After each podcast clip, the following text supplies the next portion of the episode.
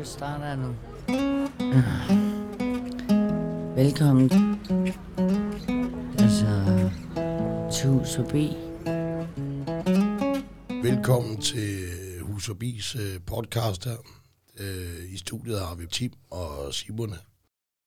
Hvad hedder det, Tim? Jeg, jeg tænkte sådan meget over dig, ikke? Også med, du er 27, ikke?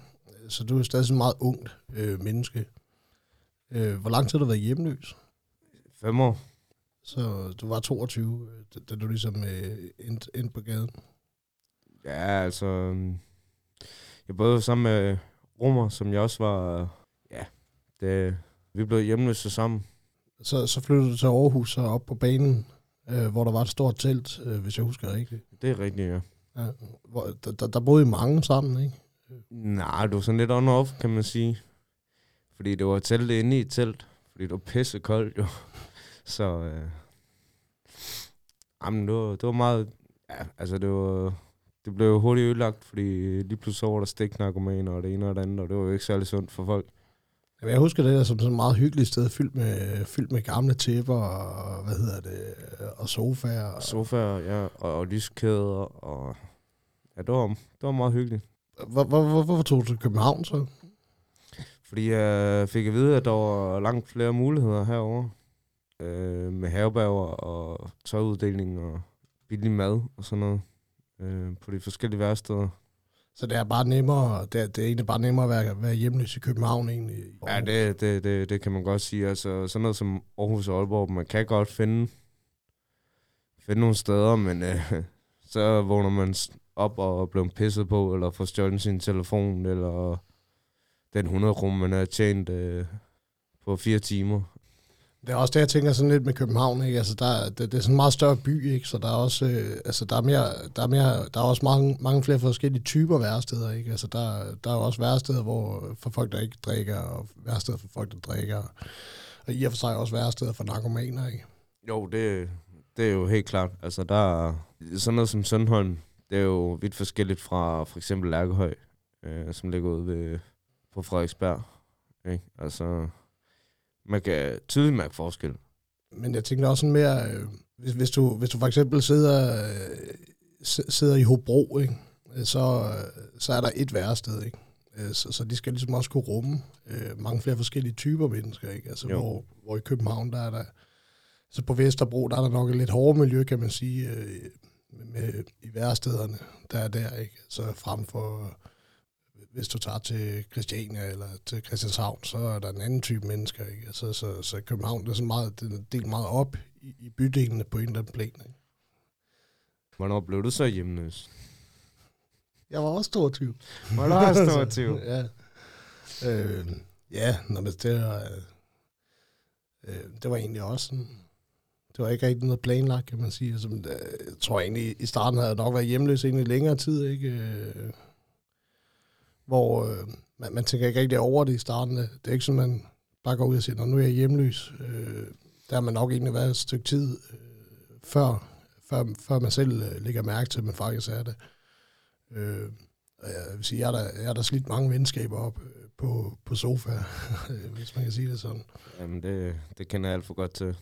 Og forhold, og det ene og det andet. Ja. Men altså, jeg tog også til København øh, på grund af det samme, ikke? Og så også det der med i København, eller i, i en større by i hvert fald, end, end, end der, hvor jeg kom fra. Der er det måske også lidt nemmere at, så bare falde igennem, ikke? Altså, øh, ikke falde igennem på den måde, men jeg mener mere, øh,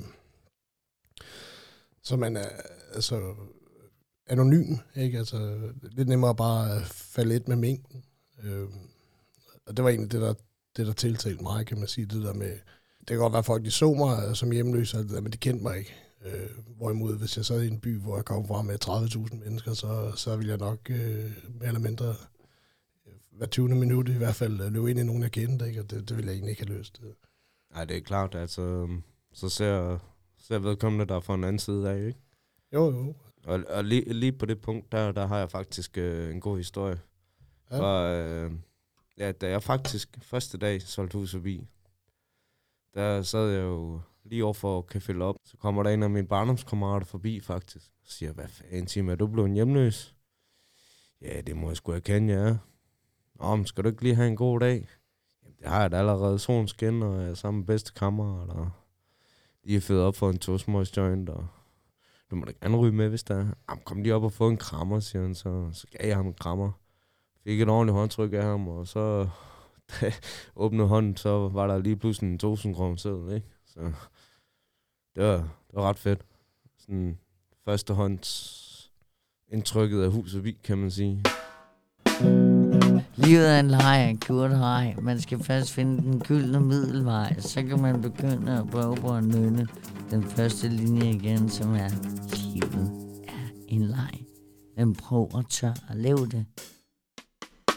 I studiet har vi besøg af Morten, og øh, vi, har, vi, har, vi har inviteret Morten med ind i dag, fordi øh, Morten og Andrea, det var, det var ligesom de to første, øh, i hvert fald i Hus Forbi regi, som øh, faktisk blev ramt af det her zoneforbud, som betyder øh, rimelig meget, øh, hvis man er, er hjemløs i Danmark, kan man sige. Ikke? Øh, Morten, jeg tænkte på, øh, hvordan øh, var det lige pludselig at så stå og så ikke være velkommen øh, i en by, hvor man egentlig plejer at have sin normale hverdag? Det var jo totalt vildt underligt. Det var meget, meget underligt at blive vækket øh, en morgen, stor nat, og bare få at vide, at øh, man var sigtet for zoneforbud, og man ikke måtte være i byen, uden at få øh, henvisninger til et sted, hvor jeg kunne sove eller andet. Vi lå stille og roligt og sov, og så blev vi sådan set bare vækket, og så måtte vi tage den derfra. Måtte vi gå til næste kommune og sove der. Det fik vi ikke at vide, men det var det, jeg hørte på de svar, jeg spurgte ind til. Det var bare, du må ikke ligge her, så find ud af noget andet. Jeg spurgte dem, hvor skal jeg tage hen? Ja, det var ikke hans problem. Det var krænkende, det var... Jeg var sgu også bange en gang imellem.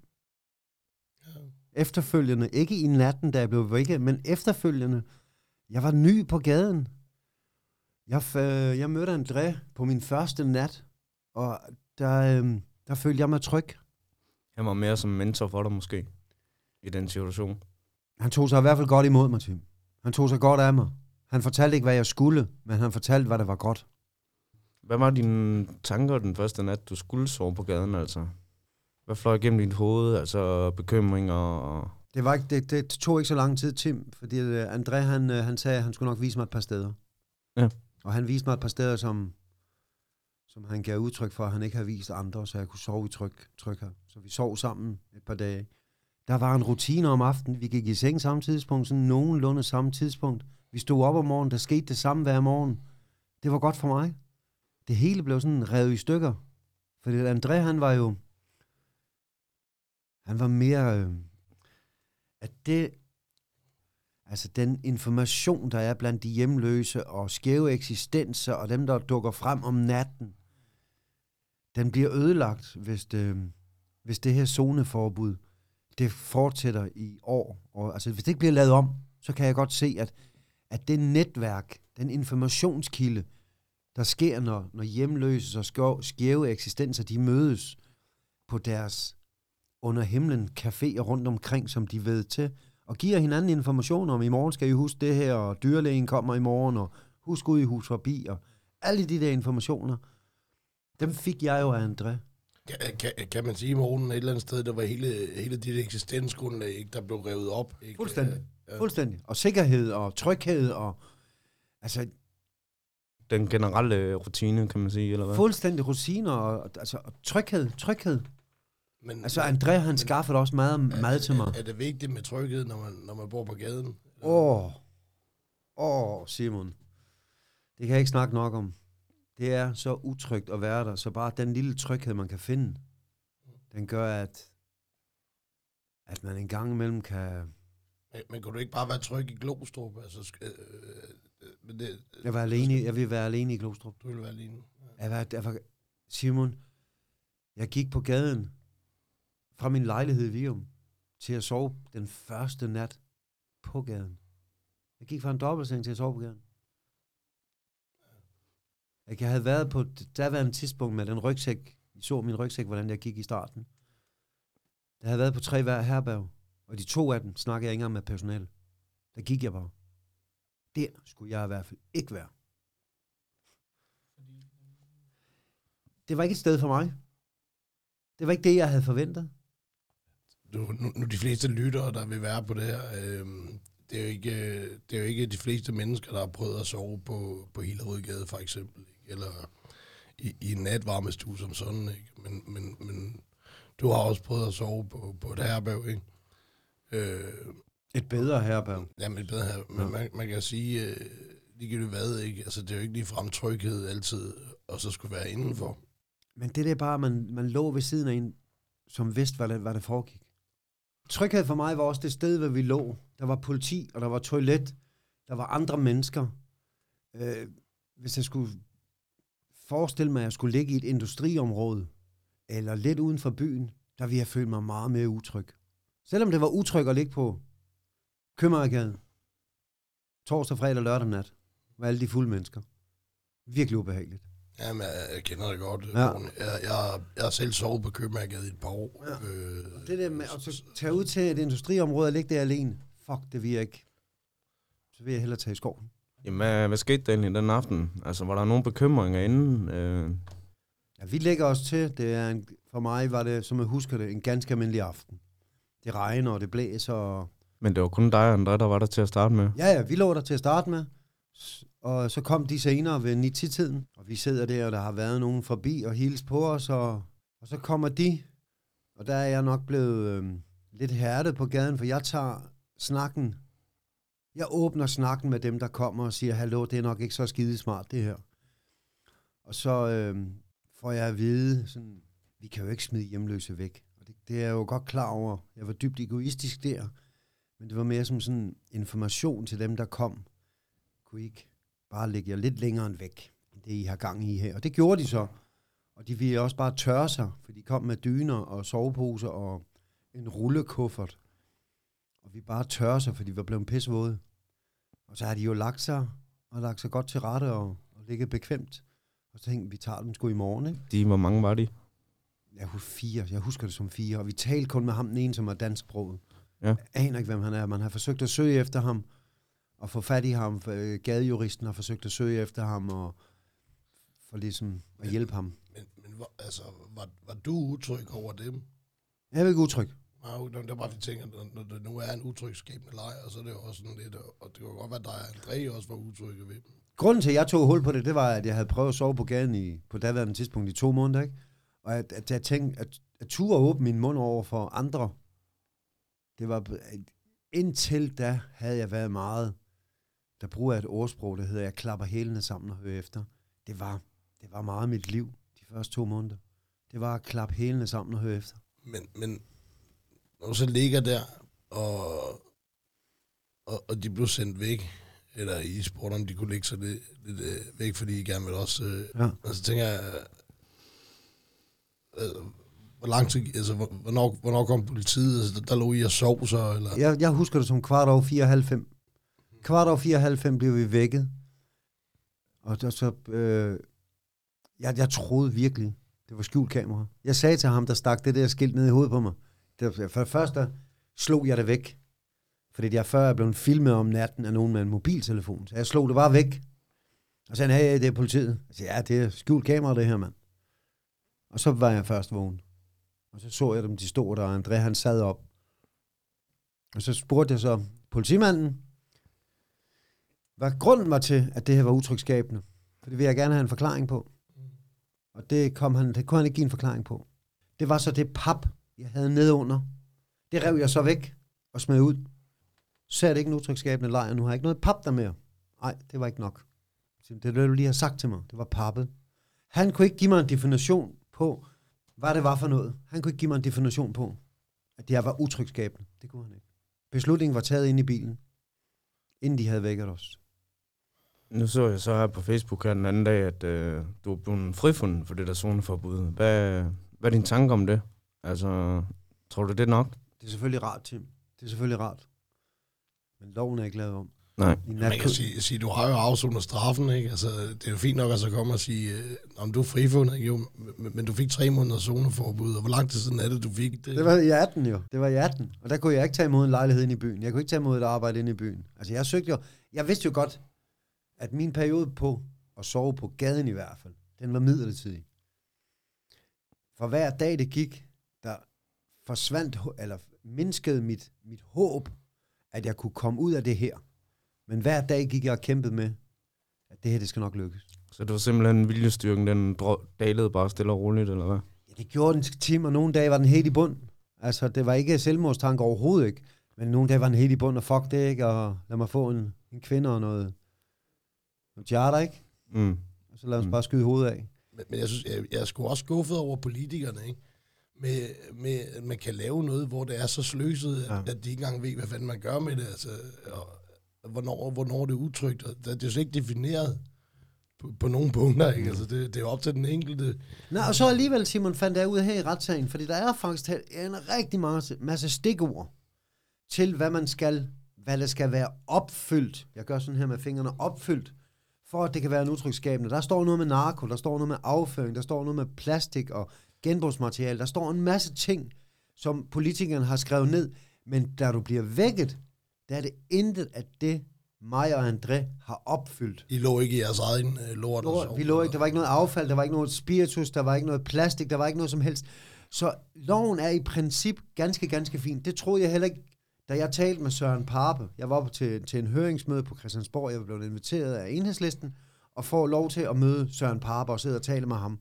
Og der spørger jeg ham direkte, om han ikke godt, om lov kan laves om. Jeg spurgte ikke om loven, men lov, om de kan laves om. Det kan de godt. Det er utrolig svært, siger han så, men det kan godt lade sig gøre. Og så spurgte jeg mig ind til, jeg undrer mig over, at I ikke tilpasser den her. Siger den er tilpasset. Det er en vurderingssag ud fra en masse stikord. Og det fik jeg, finder jeg først ud af ind i retssagen. Men anklageren har brugt de stikord, det passer til anklageren. At vi sover, den er utrygskabende, du må ikke have en sovepose, du må ikke have pap, du må ikke have dit, du må ikke have datten. Det er sådan nogle ting, de har brugt. Og det er ud fra lejerloven. Så det er et ordknipperi ind i den retssal omkring, fordi det i bund og grund handler det om, vi har nogle udsovende, som har valgt at sove ude, for det er det, de kan finde ud af. Og det har man ikke lavet en lov, der tager hensyn til. Jeg ved ikke, hvordan de har fået ordet lejr fra, men i, i retssagen, når de definerer ordet lejr, så henviser de hele tiden til den danske ordbog omkring lejr. Det henviser de hele tiden til. Og det er noget med åben himmel, det er noget med noget sove, det er noget med noget underlag. Det er det noget med noget lejrbetegnelse. Men, men det var der jo heller ikke ved jer, kan man sige, fordi det var lige over for Rundetårn. Øh, I lå og sov i sin viadukt under, øh, det, det ligger et meget berømt kollegie ovenover, kan man Ja. sige, ikke? Hvor, øh, altså, der, er- der er jo ikke en åben himmel, altså, det er jo faktisk, øh, det eneste åbne, der er, det er jo faktisk en, øh, en, en, side ud til Købmagergade, ikke? Øh, det, der, hvor vi snakker om nu, øh, til den opmærksomme lytter, kan man sige, det er lige mellem Krystalgade og, og Købmagergade, lige på, lige på hjørnet, lige over for Rundetårn. Hvor det, det er jo et sted, der, er- der, der er jo lagt hjemløse altid. Fordi, fordi der er læg, ikke? Mm. Så, så det er jo et meget logisk sted, mm. ikke så? Og du har toilet. Du har toilet lige oppe på kulsov. Du har vand lige ud foran døren. Du har det hele. Hvordan øh, har din oplevelse med opbakningen fra andre hjemløse og hus forbi selv især øh, været øh, efter zoneforbuddet? Og, ja, Det har været utrolig stor. Mm. Både for hus forbi og sælgerne og ansatte, og den har været større, end jeg havde drømt om. hvad med øh, den almene dansker? Det var det, jeg prøvede at forklare for lidt siden. Når man tog dem individuelt og stod med dem, så var der næsten ikke nogen, der turde, eller ville sige, eller havde meningen. Jeg synes ikke, det er okay, at I bliver behandlet Ah. sådan. Men når de er i flok, så var det, altså flok, så var det nemmere at ligesom kigge skævt til os. Spyt. Jeg støtter ikke sådan nogen som jer. Du er ikke hjemløs, du er nybarberet. Du ser ikke hjemløs ud. Altså alle sådan nogle bemærkninger var nemmere, når man kom tre, fire sammen, end når der kom en. Det var den opfattelse, jeg havde. Det, du- det du siger er, at der er mange, der har fordomme, Ja. øh, som egentlig bare mener, at, at, øh, bare, bare i og med, at de har set, der ligger sove, så, så, så har de også en idé om, øh, hvad du er for en person. Det kan du tro. Jeg har tit fået at vide, at jeg ikke var hjemløs. Det fik jeg tit en bemærkning på. at du er friskbarberet hver dag, så du kan da ikke være hjemløs. Hvad fanden har det med det at gøre? Vi har et hus forbi. Altså, så måtte jeg forklare. Og der var nogen, der var så grove i deres udmeldinger. Så jeg sagde til dem, at de skulle gå ud af min komfortzone. Til sidst, der, send, der var der nogen, jeg ikke solgte aviser til. For jeg vil ikke svines til. Jeg vil ikke beskyldes for at jeg ikke er hjemløs, og det er min Mercedes. Det var, sagde hende den ene dag. Det var min Mercedes den der år, den har hun set mig stige ud af. Og jeg boede op nordpå. Jeg stod i en lyngby, og jeg ved godt, hvad hun mente nordpå. Opbakningen var top, top, og er der stadig. Der er stadig hus forbi folk og journalister og andre, som har støttet en, som har mødt op til de to retssager. Så. Det, det er jeg glad for at høre i hvert fald. Så, så mit indtryk det er, at der er mange, der bakker op om det. Så er der mange, især unge mennesker, der ikke ved. Altså dem, der ikke ser og læser nyheder dagligt, ugenligt. Men dem, der ikke følger med i nyhederne, og unge mennesker minus 25, der var mange, der ikke vidste, hvad zoneforbud var, eller er. Men så når man fortæller det, så var det det der med, når de står der hver især, så synes de alle sammen, det er skide synd. Når de er i en gruppe, så synes de bare, I skal da bare ud af byen, hvorfor er det hjemløse, det er din egen skyld, og klip dit hår og finde noget arbejde. Agtigt, ikke? Jeg tror, det er vores lille smørhul heroppe i Danmark, og så hele EU's regler. For det, det har noget at gøre med, at vi ikke må sige Roma-lejr, fordi vi er EU. Det er ordknæpperi. Det er, fordi vi er EU-fællesskab, og derfor må vi ikke bare smide en tysker ud, som det passer os, eller en romager, eller en. Det er et ordknæpperi, det der. Jeg, jeg synes jo også et eller andet sted, ikke? Altså, så, så problematikken ligger jo et helt andet sted, og det ligger jo ikke mere, om der ligger øh, 50 mennesker på Amagerfældet. Øh, det ligger også i, altså det er jo et EU-spørgsmål, kan man sige? Men, men, men, men der ligger også noget i, at øh, hvis man inviterer et land med i et fællesskab, så, så bliver man sgu nødt til at hjælpe dem op, ikke? Altså man kan sige, øh, hvorfor har vi flygtninge i Europa øh, indergrænser, ikke? Altså imellem Altså, hvor, hvorfor har man så taget dem med i EU? Altså, det mm. tænker jeg også tit nogle gange også, fordi jeg ved ikke, om der er nogen, der har været i Rumænien, ikke? Altså, det er jo ikke lige frem et luksusland, vel? Altså, altså jeg kan sagtens forstå ham, romeren, der flytter op og er heroppe. Det kan jeg sagtens forstå. Det er også det, jeg tænker, ja. ikke? Fordi det er sted, så, så, må man ellers sætte sig ind i problematikken om, der er jo en grund til, at han har taget det op, ikke? Altså, det er jo, hvis han synes, det er skide fedt at sove på gaden i Danmark, mm. så er det jo fordi, så, så, så har du det altså heller ikke super fedt derhjemme, vel? Men Simon, altså, Simon, så har jeg da også sådan lidt, nu når vi ved de der fakta om Sydeuropas lande, så undrer jeg mig over, at politikere herhjemme ikke gør noget for at sige, fred nok med det. Vi kan ikke smide dem ud af vores land, for det er noget med EU, og det vil vi heller ikke, fordi vi er medmenneskelige. Jeg undrer mig over, at man kan lave en lov, at folkevalgte politikere kan formulere noget på skrift, det er så udefinerbar for en politimand, så han skal stå og høre på mit bræk, og til sidst var han så træt af mig, så han sagde, hvis du ikke stopper, så bliver du taget med for folk, der har lavet alt muligt andet kriminelt, ikke? Altså, der går jo fandme flere år, før de overhovedet kan komme ind og afzone deres straf, ikke? Altså, her der snakker man om, at du, har, at du skal afzone straffen, før du overhovedet er blevet dømt, ikke? Altså, øh, øh, altså retsligt dømt, ikke? Altså, mm. du er blevet dømt af politimænd, kan man sige, til at starte med, ikke? Øh, og det er også det, jeg synes, det, det, det, det, jeg synes er det problematiske i det her zoneforbud. Også det er det der med, at det er altså politimanden, der er dommer, øh, lige pludselig. Det, det er ham, fordi det, er det er jo samme sekund, den giver dig et zoneforbud. At, at, du, at du afsoner din straf bagefter. Fordi der kan du ikke komme tilbage, eller så ryger du bare i fængsel, ikke? Jamen, det, sådan føler jeg også, fordi i retssagen, der, der får jeg opfattelsen af, at beslutningen er om at vække os og smide os væk og give os zoneforbud, den er taget inde i bilen, i politibilen. Hvor hvis man så nærlæser loven, så skal de faktisk have livet have været i kontakt med os for at finde ud af, hvem er vi, og er vi blæst hammerne stiv, er vi overhovedet i liv? Men de har taget beslutningen inde i bilen. De har ikke været ude og vække os. Så i min verden, der var det planlagt, at det der skulle laves. At den, den der, den nat, det var planlagt. Det passede lige ind i deres. Fordi jeg var ikke ude at vække os, som det står i loven.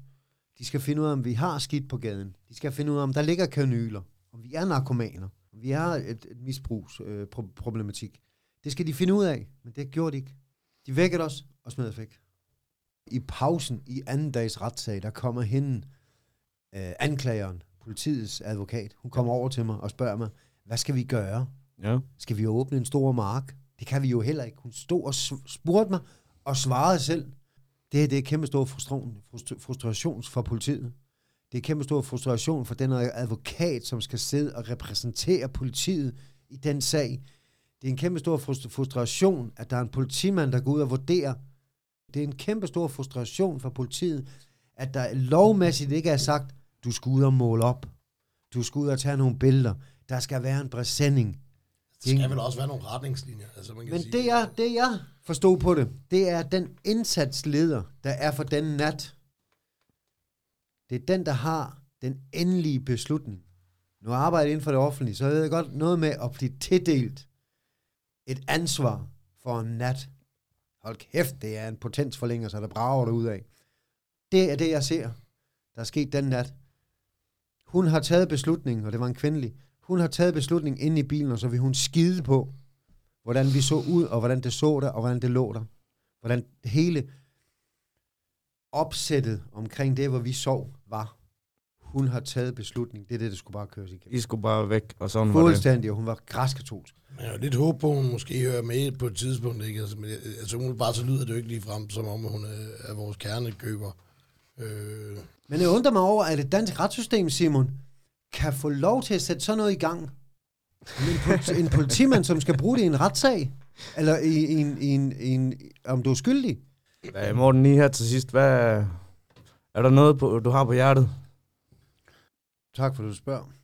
Men for mig, da jeg bliver vækket og til nu, altså vækket den morgen i oktober og, og for, og for øh, zoneforbud til nu, der har det jo været i, i, i mit system. Jeg synes, det er krænkende. Jeg kan ikke se noget formål med den lov over for danskeren. Jeg kan ikke se, altså at være nationalt stolt, at vi har et, et land, hvor vi har udad til et signatur, vi gør hjemløs kriminelle. Vi har 600-700 udesovende danskere. Dem har vi valgt at gøre kriminelle. Det er vores signatur udad til. Det undrer jeg mig over, at vi som land vil have det. Det er et. Og så vi tillader os at behandle, altså vi sgu da alle sammen lige værdige, men vi er ikke lige stillede. Men vi er sgu da lige værdige som mennesker. Og et, lille bitte, la- og et lille bitte land som Danmark, det, altså, selvom vi er et, øh, et fåtal det store billede, så, så er det stadig, en, øh, det er stadig vigtigt, at vi har vores stemme. Altså det der med, at regeringen siger, dem der ligger på gaden, de er kriminelle, de er farlige. Ja, det er affald. Dem skal, ikke, dem skal ikke gøre noget. Man kan I bare pisse ved siden af. Der er folk, der har stået ved siden af mig og pisset, så det er sprøjtet op på min sovepose. Hvor jeg vækket og sagt, hey, jeg vækker dig ikke dig, mand. Jeg forstyrrer dig ikke dig. Om du står og pisser, så det sprøjter op på min sovepose. Ja, det vækker dig ikke dig, hvad? Det er utrygskabende. Det synes jeg var øh, et, godt sidste ord. Øh, Morten, jeg vil gerne sige mange tak, fordi at du gad at komme med ind. Ja, mange tak. Øh, og fortælle din øh, historie. Øh, og, og til jer derude, lad det her der være øh, startskud på. Altså, vi skal have fjernet det der zoneforbud, ikke? Altså, det, det, må, det må sgu være det, vi skal have, ikke? Altså, det, det skal ikke være sådan, Morten, han skal sgu ikke sidde her og være kriminel og være bange og være, være, være på flugt øh, for, for sin egen øh, by. Altså, det, det kan ikke være rigtigt. Vi er de socialt udsatte, og det er jo vigtigt, at vi passer på hinanden.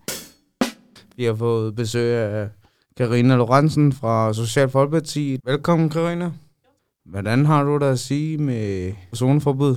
Jamen, vi har jo ikke været- rigtig været enige i SF i, at vi skulle have den her lovgivning. Øh, jeg synes jo, man skal bekæmpe hjemløshed, og ikke de hjemløse, og det synes jeg faktisk, man gør med den lovgivning her. Øh, så vi kæmper ret meget for at få, øh, få det lavet om, simpelthen. Men, øh, men der mangler jo nok desværre et klart politisk flertal for at helt afskaffe loven. Øh, til gengæld så tror jeg, at vi får nogle præciseringer. Det øh, har Socialdemokraterne sagt, de gerne vil være med til. Jamen, nu er det jo sådan, at øh, zoneforbuddet er gældt øh, rumænere. Hvad, er, er, er det sådan, det er? Nu lige pludselig så blev det jo danskere, der fik den. Jamen altså, jeg tror da, at alle kan se, at det her det rammer skævt, og specielt efter, øh, hvad hedder det, øh, retssagen her for, er det en uge eller to uger siden, øh, hvor to mænd så endte med at blive frikendt øh, for at have sovet øh, på gaden, og hvor man sagde, at det var så ikke en lejr. Men jeg tror bare, indtil vi har lavet lovgivningen om, så vil der komme alle de her tilfælde, øh, hvor øh, hjemløse vil blive slæbt for retten øh, for at have sovet. Fordi hvad skal der så til? Skal der to? Skal der tre? Skal der fire til, før man har en utryghedsskabende lejr? Og det tror jeg bare skaber et rigtig stort pres på dem, som er tvunget til at, at overnatte på gaden. Øhm, og det gør bare deres problemer værre. Så jeg synes jo, vi skal være hurtige med at få lavet en lovændring.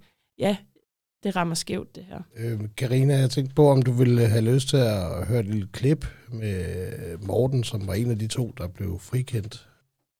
Jeg, jeg troede virkelig, det var skjult kamera. Og så sagde han, det er politiet. Jeg sagde, ja, det er skjult kamera, det her, mand.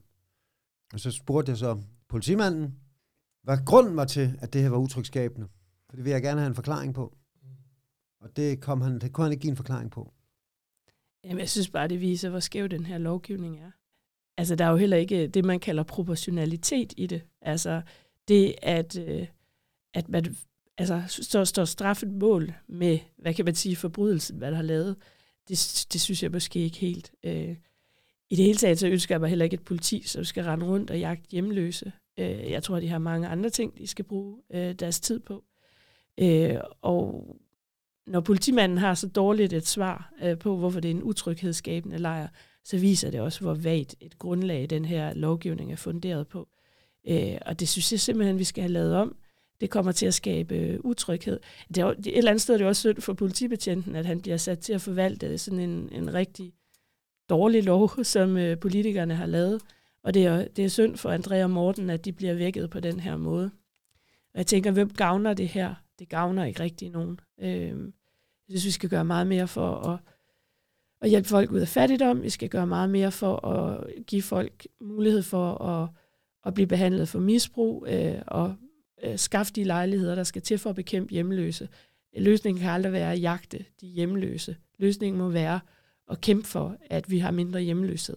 Øh, må jeg så spørge, hvad, hvad siger dine kollegaer til det der med zoneforbud? Jamen altså, i SF er vi jo ret klar på, at vi vil af med det, og det er der faktisk en del partier, der gerne vil. Øh, men det er svært ikke nok. Men i hvert fald så øh, har Socialdemokraterne jo sagt, at de vil være med til at præcisere lovgivningen. Og det betyder jo, at, øh, at de måske vil passe på, at så nogen som Andrea Morten ikke bliver ramt af den, øh, mens man måske stadigvæk kan gå efter, det ved jeg ikke, romalejre. Nu siger jeg det bare som det er, fordi jeg tror, det er det, øh, de har i tankerne. Og hvordan de vil slippe afsted med at lave en lovgivning, der er mere præcis, øh, det må vi jo se. Øh, fordi vi har ikke set, hvordan den lov ser ud endnu, eller den bekendtgørelse. Det ligger faktisk i en bekendtgørelse. Men, øh, men jeg tror desværre, vi kommer til at se mange sager, hvor vi hver især med hjertet kan føle, at det er uretfærdigt øh, fremover, selv med en præcisering. Men kan du forstå, at øh, altså nu, nu er jeg selv hjemløs, øh, kan, kan du forstå, at det, det er meget underligt at så lige pludselig være helt jagtet. Øh, også af dem, som vi gerne skulle gå til, når vi føler os utrygge. Men, men, men hvor, øh, for, fordi der er nogle politikere, der i, i 11. timer sat og, og fundet på en, en lovgivning, som, som så er så dårligt præciseret, at, at øh, politiet ikke engang ved, hvordan de skal bruge den. Jamen, det, det forstår jeg godt. Øhm, og jeg synes jo heller ikke, at den lovgivning skulle være der. Øh, og den er også noget magtværk, det kan man jo høre. Øh, og det ender jo sådan set også med, at, øh, at Andrea og Morten, de to hjemløse, de vinder i retten. Øh, men loven vil jo fortsat skabe en masse utryghed for de mennesker, som overnatter på gaden hver dag. Øh, det skal jo være eneste dag.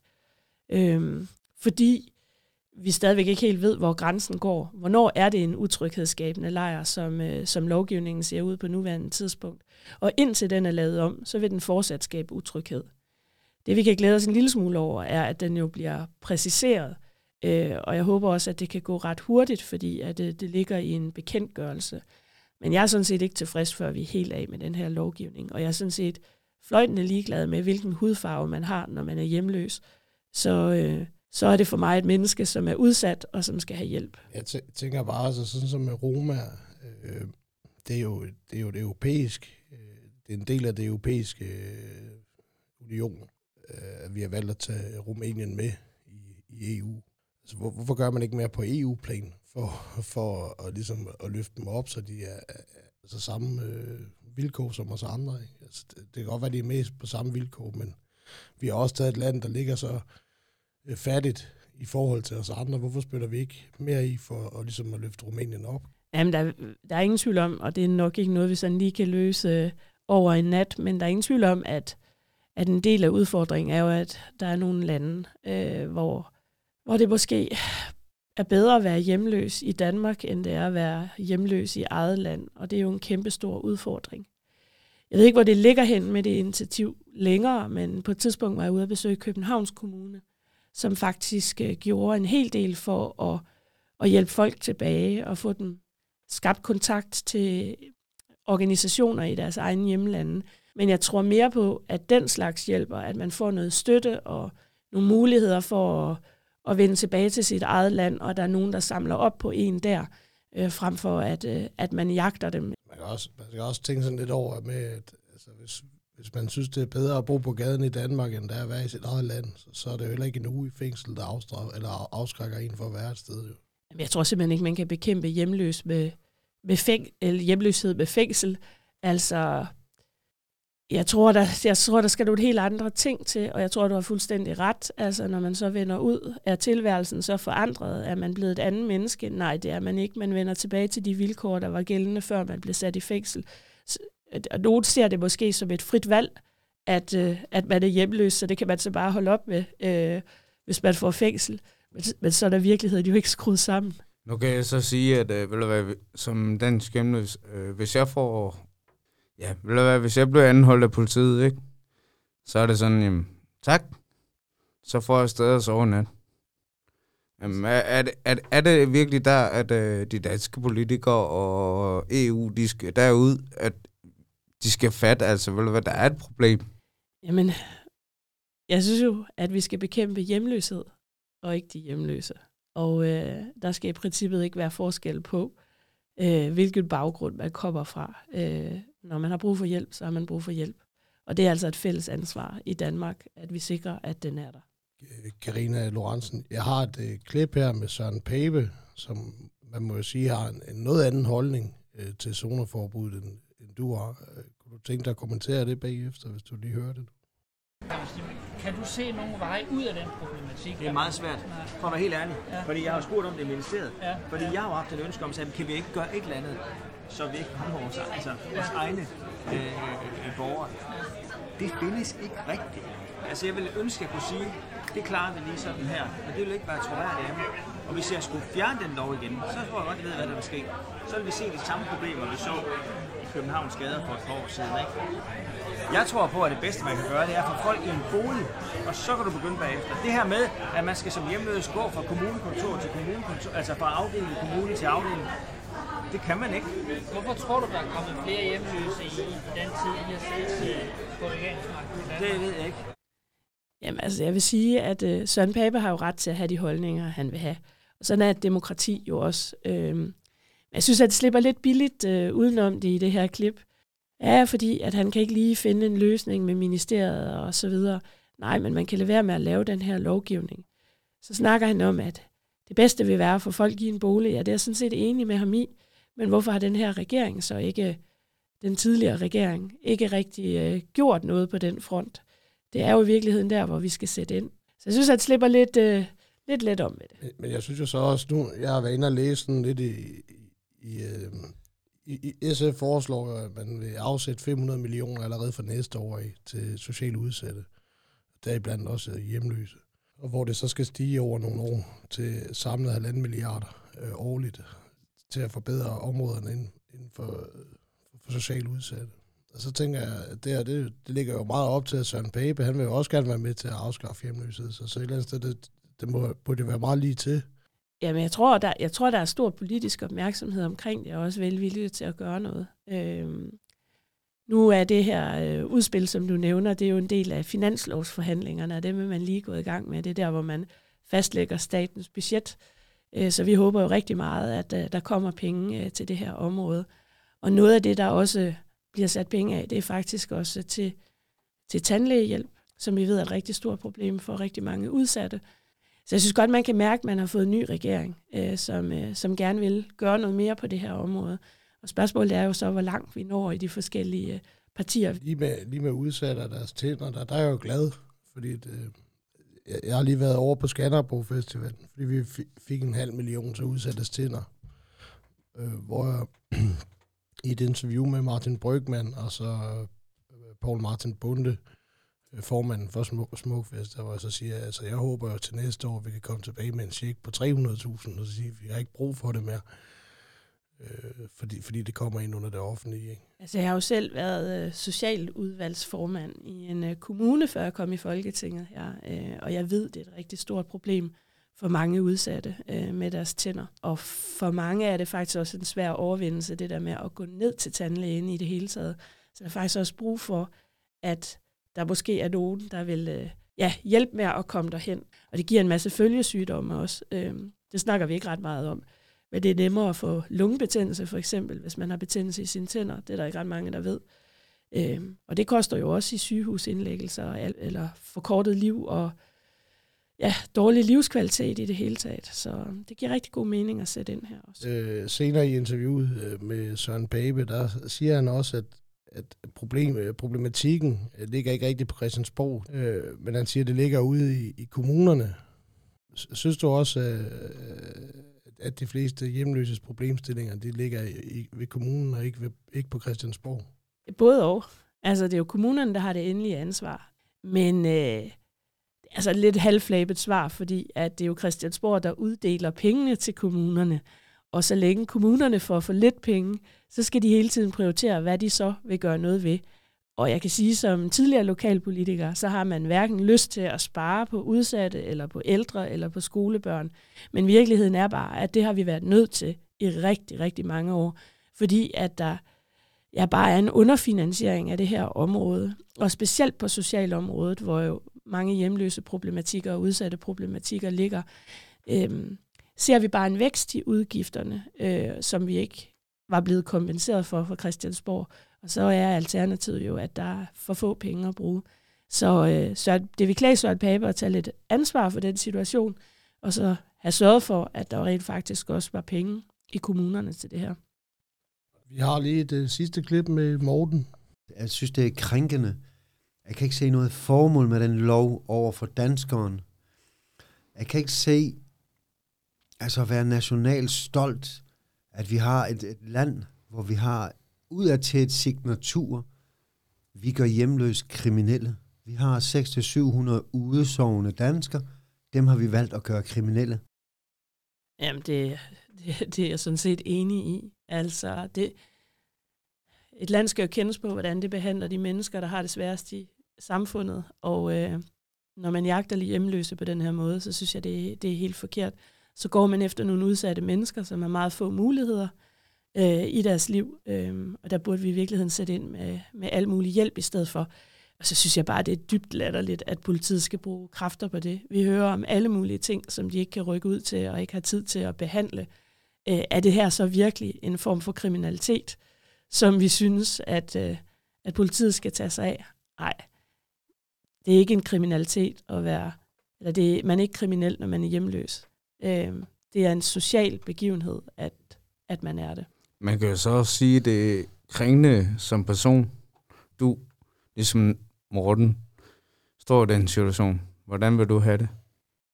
Jeg tror, jeg vil øh, føle en dyb afmagt. Altså, øh, måske vil jeg føle mig sat lidt skakmat, fordi at, at jeg jo ikke havde andre muligheder end at overnatte på gaden. Øh, velvidende, at øh, jeg måske vil blive bostet af politiet øh, dagen efter, eller i morgen, eller næste uge. Så du vil simpelthen føle dig usikker? Ja, det vil jeg gøre i høj grad. Øh, og indtil den lovgivning er ændret, så vil jeg i virkeligheden føle mig rigtig, rigtig utryg, hvis jeg var hjemløs. Øh, og derfor synes jeg, det haster at få det lavet om. Tak skal du have, Karina. Selv tak. Men øh, tak for i dag. Øh, ses næste gang. Pas på jer selv derude. Husk, øh, der er aviser på næsten hvert gadehjørne derude. Vi lyttes ved. Husk forbi. Husk at sige hej. Bare hej.